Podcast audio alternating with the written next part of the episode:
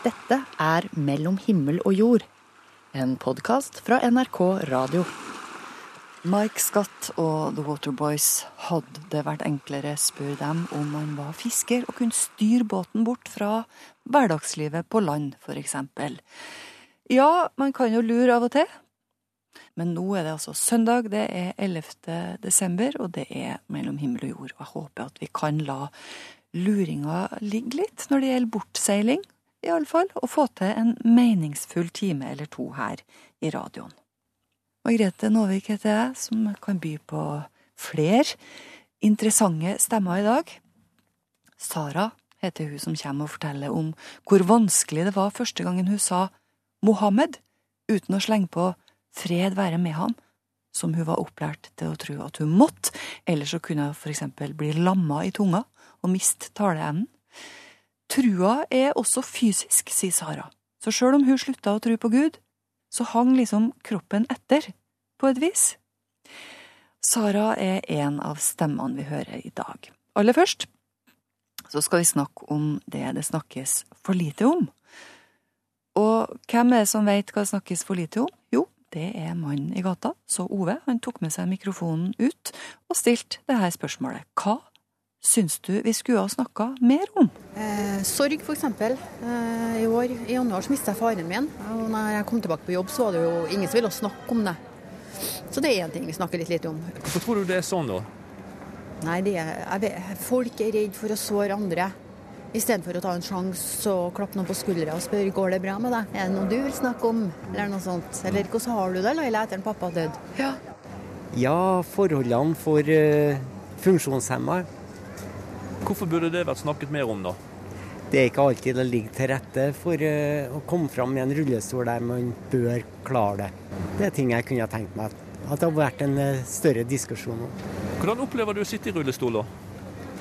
Det er ikke Altså, folk er jo veldig hjelpsomme når du møter dem. Men det er ting du ikke klarer å få til når du sitter her som du gjerne har kunnet tenkt deg. Men uh, jeg opplever jeg bor litt utom byen. Jeg syns uh, byen ikke er lett tilgjengelig lenger, mm. som han var tidligere. Har du sittet i rullestol lenge du, eller? Jeg fikk MS i 91, men rullestol har jeg brukt de siste fire-fem åra. Hvorfor burde man snakke mer om livet, da? Fordi det er det eneste vi har, og det viktigste vi har. Man må bare snakke om ting som hverdagslige ting, om det man føler og alt mulig. Men snakke mer med hverandre om følelser og menneskelige ting. Får du noen respons da? Jeg tror alle har mange ting å si og mye på hjertet. og det er sånn følelser og sånn, kan man ikke ha, bare ha det for seg sjøl, da? Nei. Ikke at man må snakke om det, men det er fint å snakke om det. Og spesielt for ungdommer kan bli altfor komplisert hvis de ikke snakker om om det de føler. Og som sagt, livet må leves for å, for å forstå det.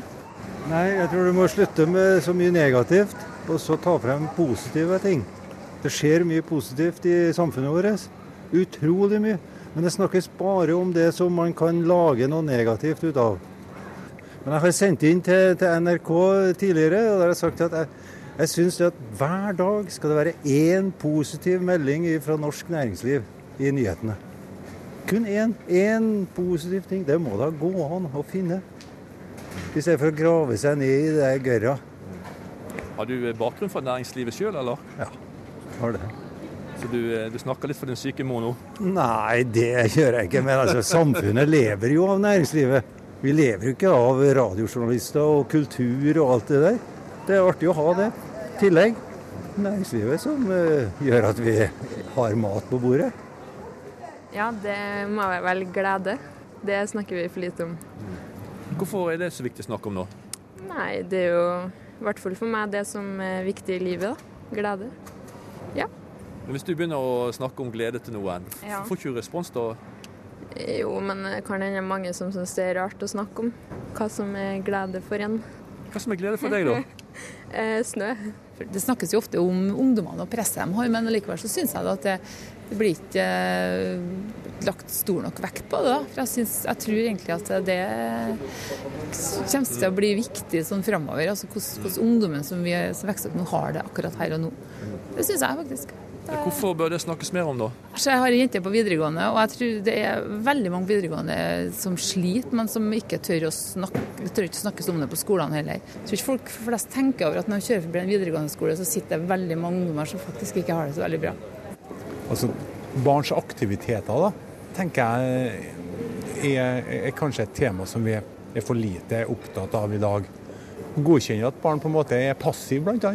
Eh, det er kanskje et tema som eh, vi er, for lite tøffe på, kanskje. De sosiale mediene ikke er så sosiale, tenker jeg da.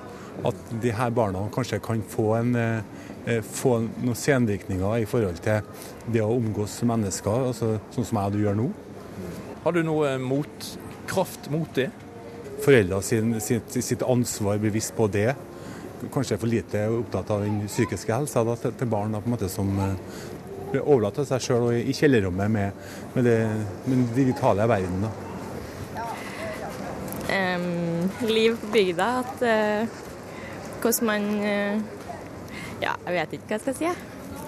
Er du fra bygda sjøl, eller? Ja, jeg er det. At det er veldig mye snakk om hvordan ungdom i byene oppfører seg og eh, hvilke kulturer de har, men det er litt lite fokus på ja, hvordan ungdom fra bygda er. Vi er jo ganske like likevel. Hvordan er du fra bygda, da? Hvordan er du som person, da? Nei, jeg føler meg som alle de andre, da, egentlig. Uh, jeg føler at jeg er veldig stempla som en sånn bondeknøl. Bare fordi man kommer fra bygda. Når jeg så det nå, så tenkte jeg ikke akkurat den tanken. da. Men... Nei, sant. Ja, Men nå har du fått sagt det. At ja, dette snakkes for lite om. Ja.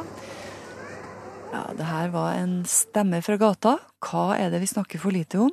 Det er spørsmålet Ove Gundersen stilte til folk som for forbi.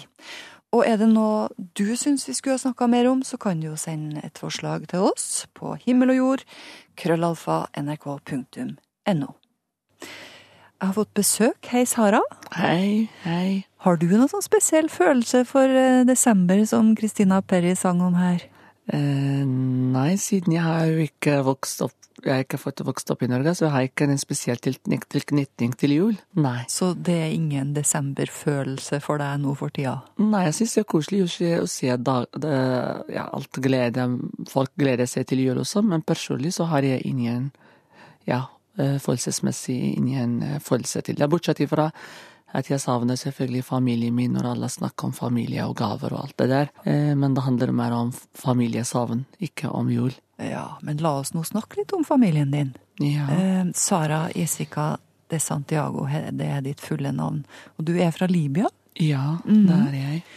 Og da foreldrene dine ble skilt, så flytta far ut, og brødrene dine tok over styringa i heimen. Det her har du fortalt meg tidligere. Ja. Og så var det sånn at Koranen og, og gammel æreskultur var det som brødrene dine styrte etter, og det var, det var, ikke noe særlig rom for å stille spørsmål hjemme hjem hos deg, var det det? Nei. Vi lærte opp at man skal ikke tenke. Når det gjelder Gud, spørsmål om Gud, om uh, islam, så man skal ikke tenke. Det er bare en religion som teller, og det er islam. Og det leste vi Koranen siden første klasse. Så selvfølgelig jeg turte ikke å, å, tenke. Jeg turte ikke, rett og slett. Det var skummelt å, å stille spørsmål, stille om jeg hadde de spørsmålene inni meg når jeg mm. leste en del vers i Koranen. Mm. Eh, men jeg, jeg, var redd til å stille. Jeg tenkte kanskje jeg er som menneske er ikke smart nok til å forstå alt. Men så traff du også denne mannen da, som du ble glad i, og så ble dere kjærester. Og det gikk egentlig ikke så bra, egentlig? Dessverre. Jeg eh, jeg, når brødrene mine oppdaget at jeg hadde sex og et ekteskap og ja, og hadde et ulovlig forhold, mm.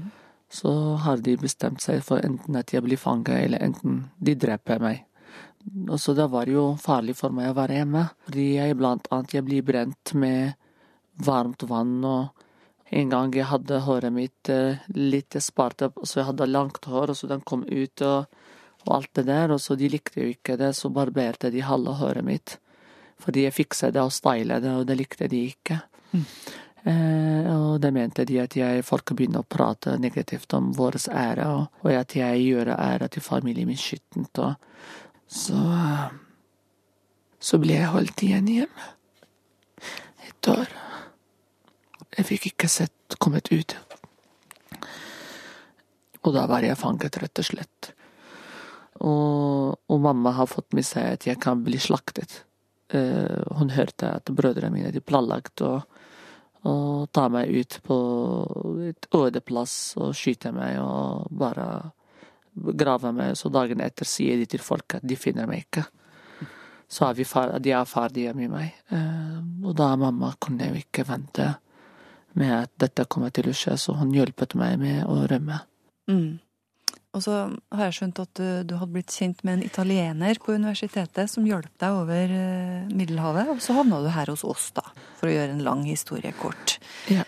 Og så, etter hvert, så ble det vanskelig å tro på at Mohammed var så edel som du hadde trodd, og du begynte å lure på om Allah egentlig fins. Ja. Du, du, har sagt til meg at, uh, at det var ubehagelig første gangen du sa Mohammed uten å si 'fred være med ham'? Ja. Fortell om det. Hva som ja. skjedde da?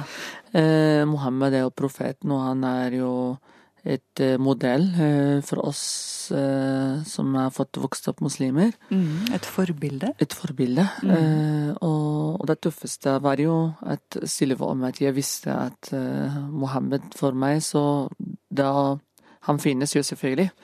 Men jeg mener ikke at han er jo ikke en profet, fordi hans handlinger er jo mot menneskers rettigheter i mange tilfeller.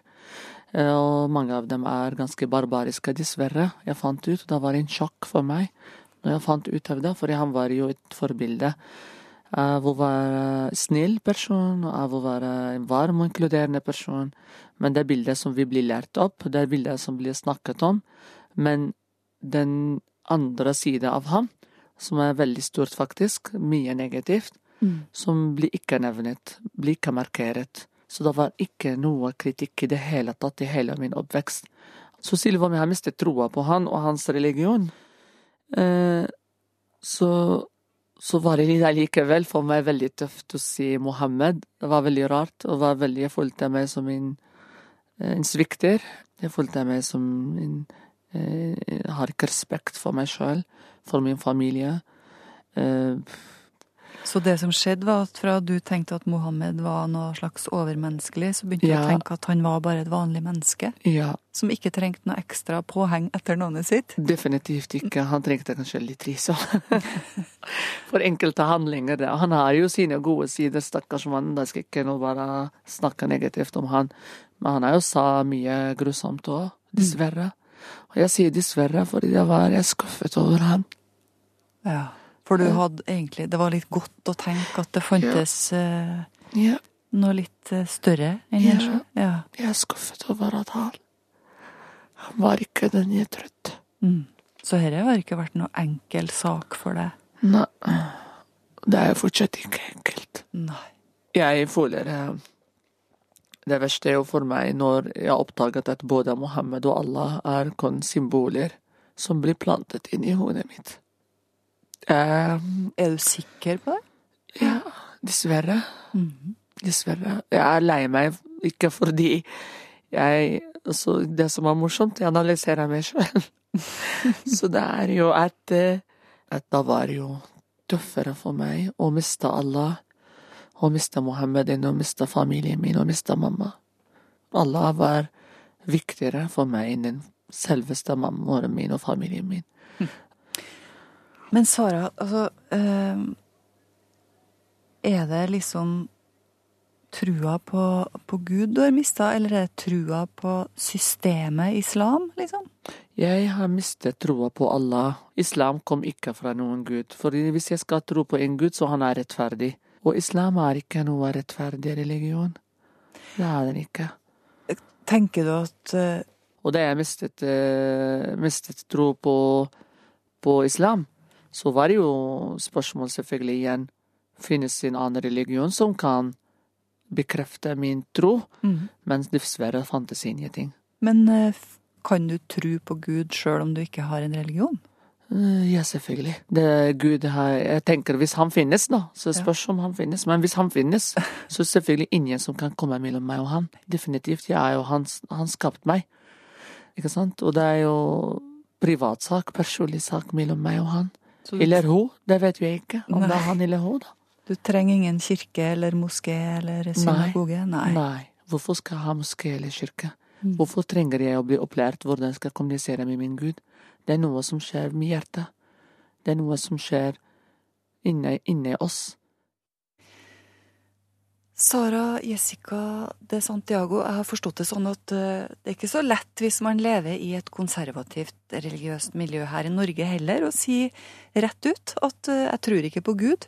Og jeg har skjønt at du har egentlig ikke så lyst til å vise fram at du har mista gudstrua, men, men syns at det er nødvendig nå, da? Hvorfor, eh, hvorfor er det det? Når jeg står frem som, som jeg snakker som, så det er ikke meningen å angripe muslimer eller å, å fornærme dem og deres tro, eller Nei, jeg har respekt for dem. Vi, vi skal jo ha et religionsfrihet i Norge. Mm. Og derfor jeg kom til Norge, for jeg vil jo ha den friheten sjøl Mm. til å velge bort religion. Men jeg vil bare ikke at islam skal ha innflytelse i vårt samfunn. Det er bare det jeg ønsker. Jeg hater ingen, og jeg er ikke bitter på noen. Jeg elsker mange muslimer. Jeg syns jeg, vi har- mye felles med mange muslimer, mer enn nordmenn. Mm. Det er mye kultur og mye mat og språk og Mm. mange ting som jeg syns er koselige, og jeg savner. Så jeg, jeg håper ikke at jeg blir ekskludert av muslimer for den grunn. Men nå når du sier alt dette på radioen, Ja. er du urolig for hva det, hva det koster? Hva jeg jeg vet ikke egentlig. Jeg har jo mistet alt, jeg. Jeg har jo mistet alt. Eneste er jo selvfølgelig jeg har vunnet, det er jo meg sjøl. Det er jo det. Men jeg har mistet familien min, jeg har mistet venninnene mine, jeg har mistet bakgrunnen min. Da jeg mistet maten til mamma. Ja. Hun er så flink til å lage mat. Ja, og hun bare Det er derfor jeg er mye former i dag, og jeg er litt treig, fordi hun, hun, hun lagde masse god mat. Hun skjemmet oss bort. Jeg savner familien min. Når hadde du sist kontakt med dem, da? Lenge siden. Pappa døde i 2010. Ja. Så du veit litt om familien din? Nå jeg har ikke kontakt på ett år. Nei, de vet, jeg vet ikke hvem som lever, hvem som, hvem som dør. Jeg, de vet ikke mye om meg heller. Nei. Siste kontakt jeg hadde med onkelen min, som var litt liberal. Men han tar ikke telefon lenger. Ingen som tar telefon. Så vet jeg ikke. Det er ganske store offer, Sara. Ja. Er det eh, Tenker du nå at det var verdt det? Ja, et vanskelig spørsmål. Mm. Jeg vil være ærlig, da. Jeg har ikke lyst til å spille som alt er perfekt. Nei. Nei, jeg vet ikke. Jeg vet ikke. Jo. Jo, det er verdt. Det er verdt det. Det er verdt det. Det er verdt at jeg, jeg kan være meg selv. Mm. Hva, hva betyr livet uten frihet? Hva betyr livet hvis du ikke kan være, være deg selv, du kan ha en partner du vil være sammen med, du kan ikke jobbe med det du vil jobbe med, du Jo, det er veldig verdt. Tusen takk, Sara de Santiago, for at du har fortalt oss om alt det her som har skjedd. Takk. Mm. Takk i like måte at jeg fikk den muligheten til å få stemmen min ut. Ja, jeg heter Bjørn Helge Sandveig, er teolog. Jeg tror på Guds nåde for meg og alle mennesker som eh, kan streve med livet sitt, men eh, har oppdaget at eh, ved troen på Jesus så, så møter jeg også en nådig Gud. Hva vil det si? Hvordan, hvordan merker du den nåden? at han aksepterer meg med mine svakheter og, og, dumheter, men at jeg alltid kan tenke på Gud som en god far som har omsorg også for meg. NRK P1 Hallo, hallo. Hallo, Camilla. Det er Erling her. Ja, hei sann. Der var du. Er lyden grei, eller? På deg høres han grei ut, men på meg høres han litt rar ut. Bare bli sittende, så skal jeg prøve å få, få ordne opp i det. Ja, fint det. Nei, Det er ikke alltid studio, mikrofon og teknikk spiller på lag med oss, men eh, det her skal gå bra, sier Erling Pettersen. Forrige søndag så ble han takka av som biskop i Stavanger bispedømme, og nå så har han plutselig litt bedre tid. Han har snakka Sylvi Listhaug sin asylpolitikk midt imot og stått på for at de homofile skal få gifte seg i kirka, men hva er det som har eh, forma han til å bli den han er? Reisa går nå til Brasil og et viktig møte med Irene. Irene var indiansk av, eh, av avstamning. Hun hadde mest indiansk blod i årene av den såkalte guarani-stammen i Sør-Brasil. Hun var vakker, sterke øyne, hun, eh, altså mørkt hår, som jo eh, også etter hvert var preget ganske sterkt av det livet som hun levde, så du kunne se at hun hadde levd et, et hardt liv også da vi møtte henne første gang. Brasil 1985. Men det er ikke de kritthvite, lange strendene og paraplydrinkene som fører Erling Pettersen, kona Turi og de to døtrene til det søramerikanske landet. Som misjonsprest i slummen så møter Erling rusmisbrukere, gatebarn, prostituerte og fattige. En dag så banka han på døra til Irene. Mitt aller første husbesøk eh, til eh, Irene, eh, som jobbet på en bordell for å forsørge sine tre barn. Og gikk der sammen med Donna Anna, en av de frivillige i den menigheten vi bygget opp. Og hørte på Irenes livshistorie, som handlet om utenforskap, som handlet om at ingen hadde bruk for henne. Og så ble hun invitert av Donna Anna til det som var vår første gudstjeneste i det vesle skuret der vi begynte med våre gudstjenester. Og hun kom til gudstjenesten, og jeg sto og forberedte gudstjenesten sammen med Donna Anna, pyntet eh, bordet til nattverder. Så ser vi at Irene kommer opp fra nattens arbeid på bordell, fremdeles med hvit sminke i ansiktet. Og så sier Donna Anna til meg at nå fikk jeg klare meg sjøl. Så gikk hun ut og la en hånd om skulderen til Irene og trakk henne inn under blikktaket utenfor det vesle kirkehuset. Og så kom de inn til gudstjenesten sammen etterpå. Ei hånd rundt skuldrene, et smil, og få lov å være bare seg sjøl nok. For første gang på lenge så opplever Irene at hun betyr noe. Hun blir sett, forklarer Erling. Og to år etter den hendelsen, da Irene var blitt sett av Donna Anna, og kanskje også blitt sett av meg og kona mi Turid, så kom hun hjem til Turid og meg, til kona mi og meg, og sa aldri mer Las Vegas. Det var navnet på bordellet der hun hadde jobbet. Og så sier hun de knuste steinene inni meg er blitt limt sammen igjen. Jeg er uma pessoa inteira, et helt menneske, betyr det. Jeg er blitt et helt menneske, og det skjedde i kommunio, i fellesskapet, i menigheten. Irene ble sett av Donna Anna, og Donna Anna lærte meg å se de som Irene også hørte til, med plass for alle, uansett om du jobber på bordell Las Vegas eller du jobber på toppen i et olje- og gassfirma. Og det har jeg lyst til å trekke frem som en begrunnelse for veldig mye av mitt engasjement også i Stavanger bispedømme. Etter fem år så reiser Erling og familien fra slummen i Brasil og setter kursen mot Norge og oljerikdommen i Rogaland. På vegne av kjære kaptein Johansen og hans besetning ønsker vi alle en riktig så fin reise. Men med i tankene så er Irene og de andre som han har møtt. I 2009 så blir han valgt til biskop i Stavanger bispedømme. I teologiske stridsspørsmål så markerer han seg som en liberal biskop. Han støtter f.eks. da at de homofile skal få gifte seg i kyrkja, noe som gjør han svært upopulær i visse miljø.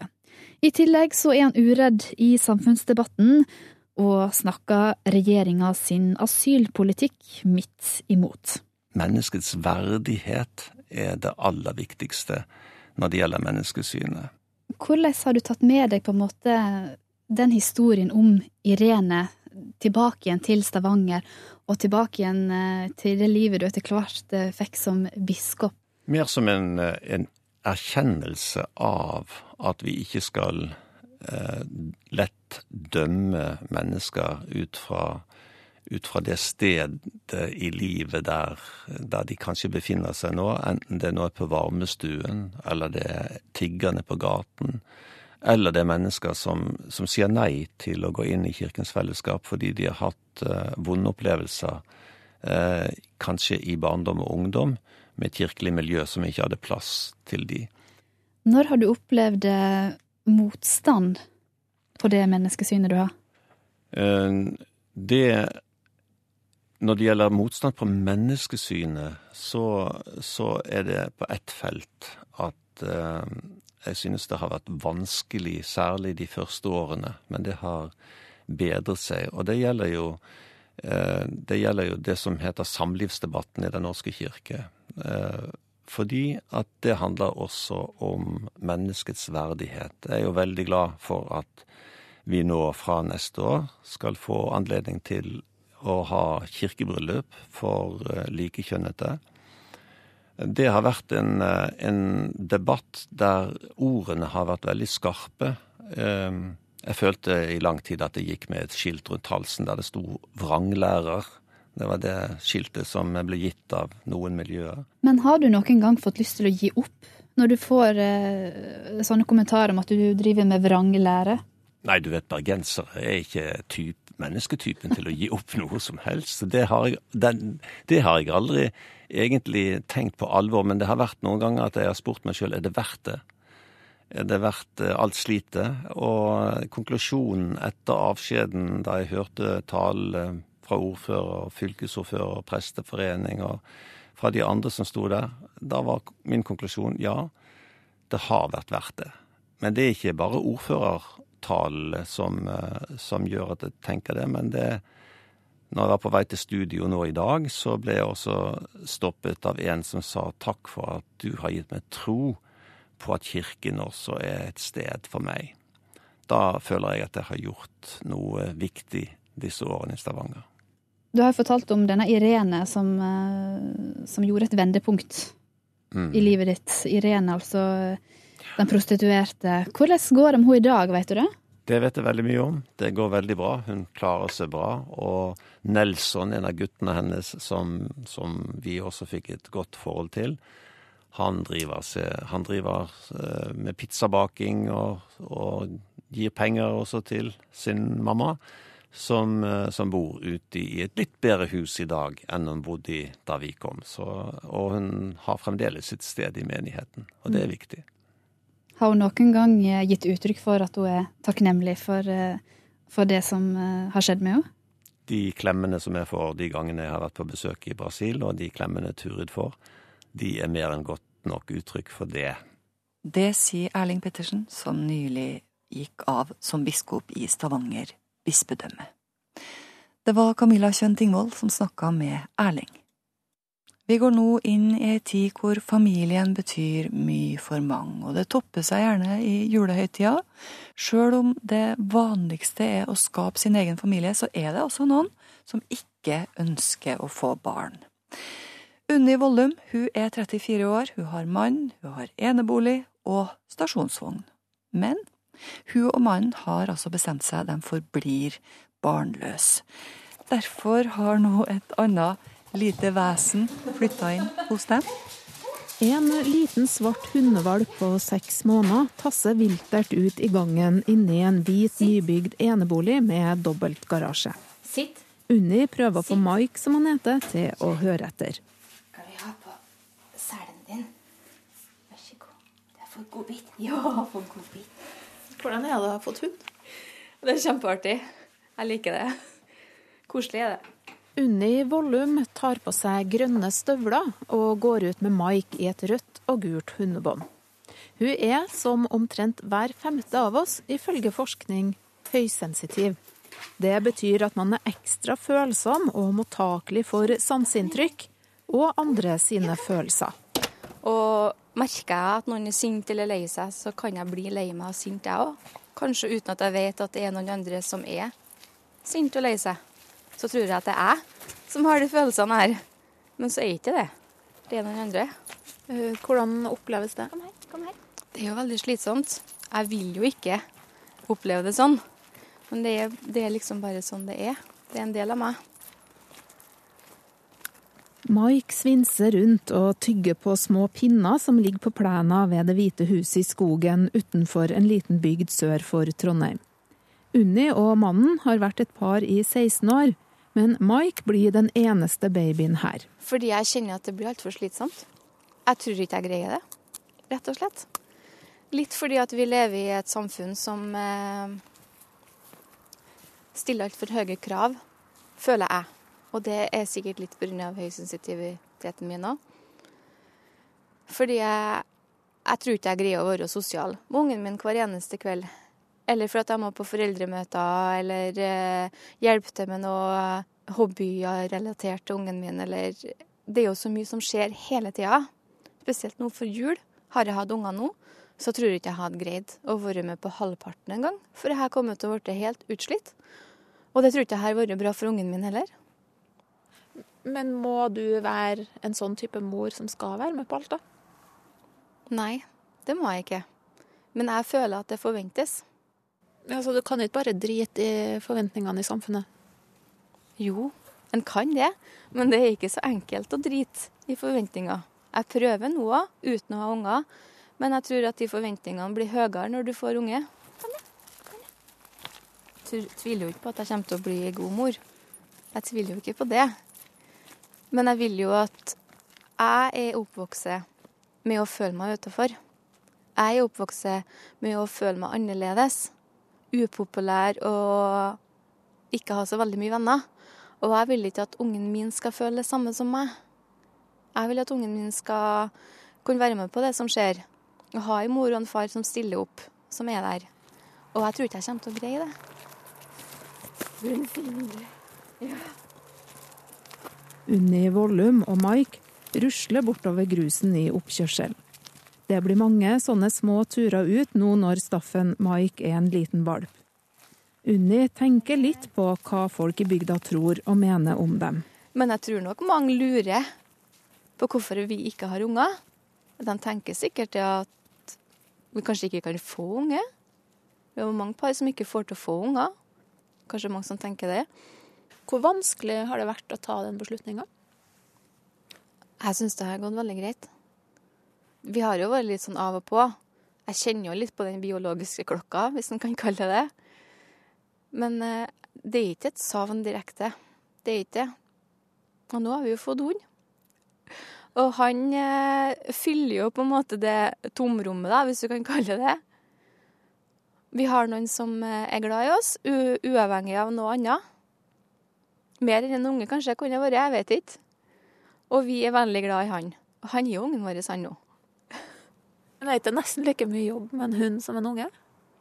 Det er jo ikke noe foreldremøter eller fotballkamper du må kjøre på, eller uh, noe baking som kreves for uh, loddsalg, eller uh, noe sånt.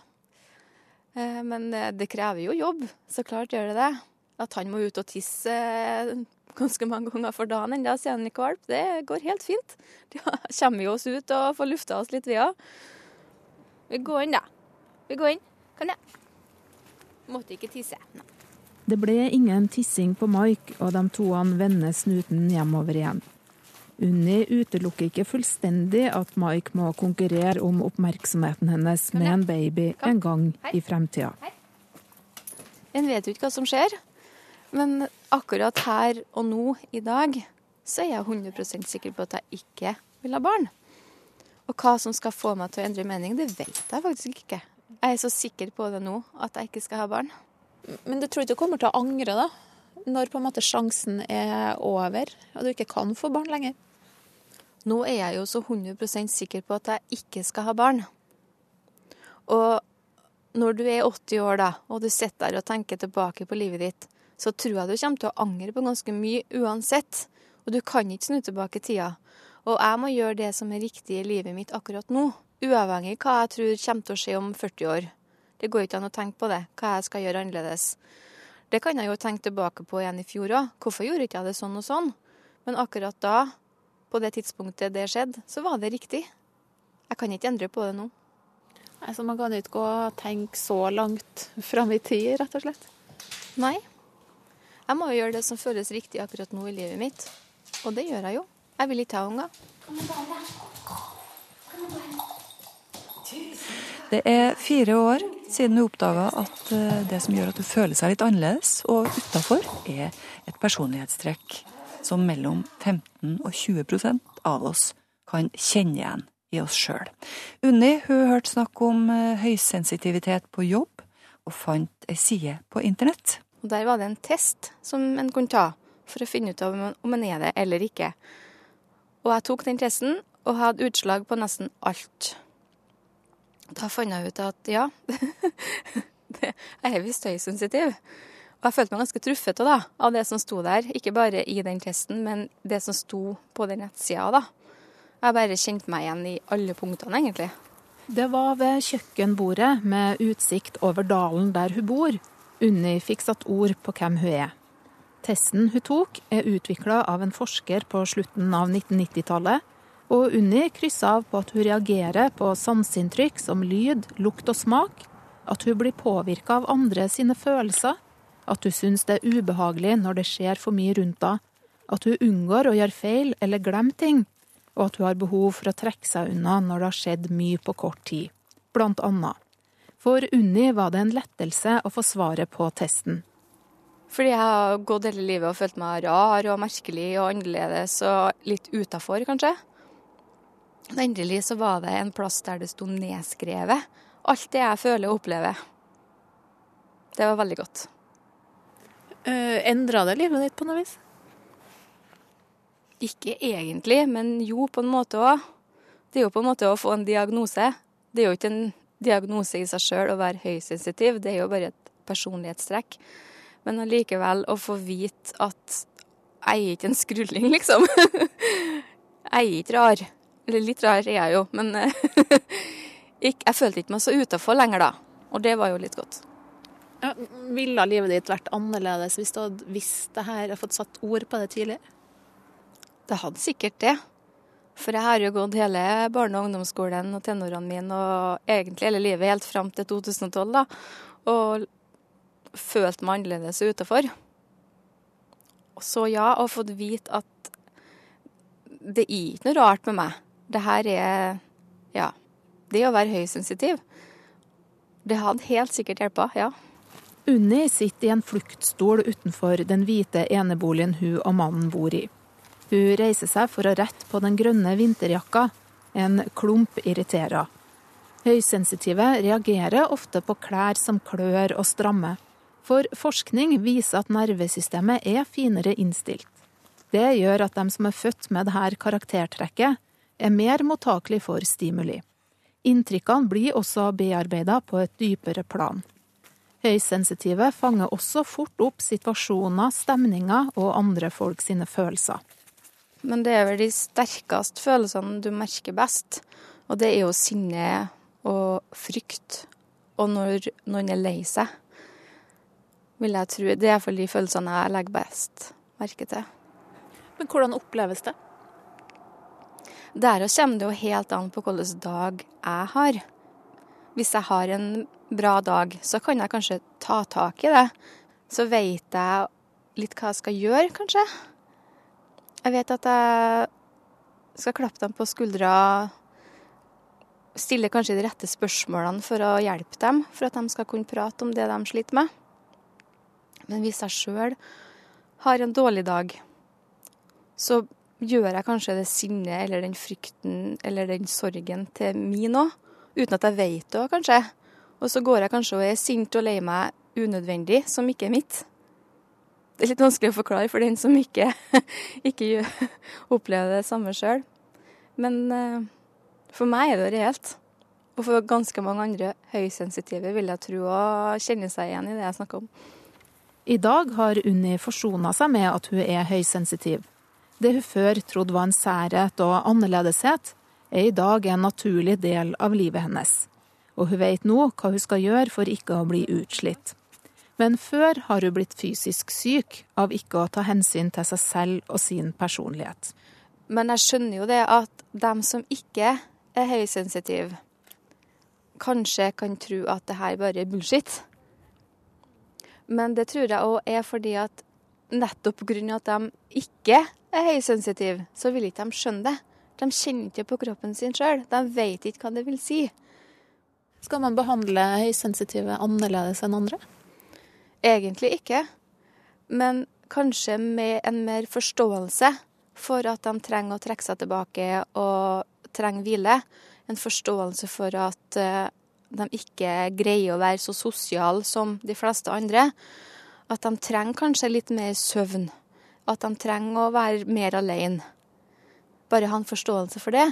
Og det gjelder jo andre ting, og folk er jo forskjellige. Alle sammen er vi forskjellige. Og jeg tror at vi trenger å ha en forståelse for at vi er forskjellige. Høysensitiv eller ikke. Reporter eh, her var Lise Sørensen, og det skal sies at ikke alle er enig i beskrivelsen av høysensitive og utbredelsen av dette fenomenet. Flere forskere mener at testen er for vag og lite konkret, og etterlyser mer dokumentasjon. Uansett, Unni Vollan hun har god nytte av å sette dette ordet på et av sine personlighetstrekk. Margrethe Nåvik heter jeg, som ønsker deg en riktig god søndag. Himmel og jord, krøllalfa, nrk.no. Hør flere podkaster på nrk.no podkast.